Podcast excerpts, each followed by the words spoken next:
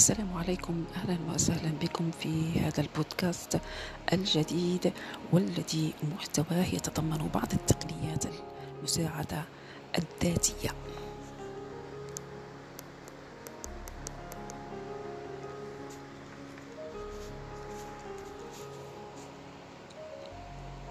عندما نسير في طريق التغيير أو التحسن إلى الأفضل أو السعي وراء أهدافنا فمن الطبيعي أن نمر ببعض فترات خمول أو تراجع أو شعور بأننا لا نستطيع الاستكمال.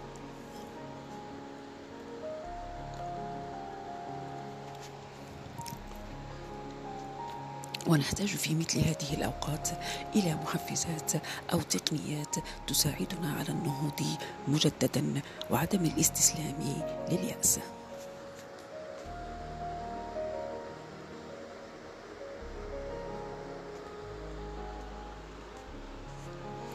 من الأفضل في هذه الأوقات أن تقول لنفسك من الرائع أن أنجح لكنني قادر على تقبل نفسي بالكامل وأن أستمتع بالحياة حتى لو فشلت.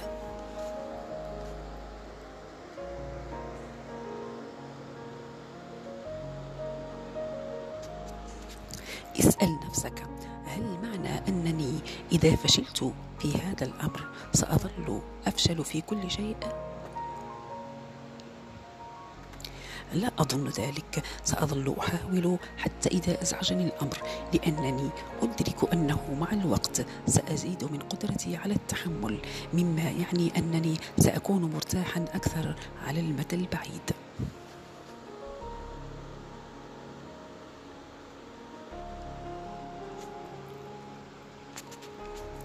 من الممكن أن تجعل من ضمن أهدافك الحفاظ على استقرار نفس الحفاظ على استقراري النفسي والعيش بسعادة.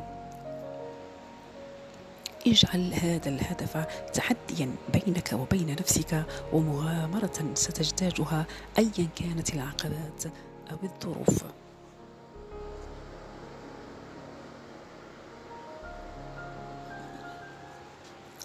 عليك أن تتقبل احتمال أن لا تحصل على ما تريد دائما أو أن تتعثر في طريقك إلى أهدافك تقبله كأمر طبيعي. يحدث تقريبا لجميع الأشخاص الذين يسجلون أولا تحسنا وتطورا ثم تعاودهم بعض الأفكار أو التصرفات السلبية أو التراجع.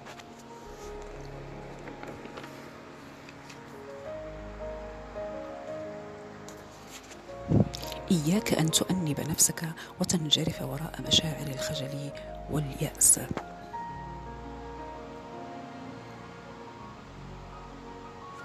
لا تفكر أن عليك أن تواجه هذا الأمر بمفردك. اطلب المساعدة لو اضطررت من إما من معالج تعرفه أو من أصدقائك أو من أهلك.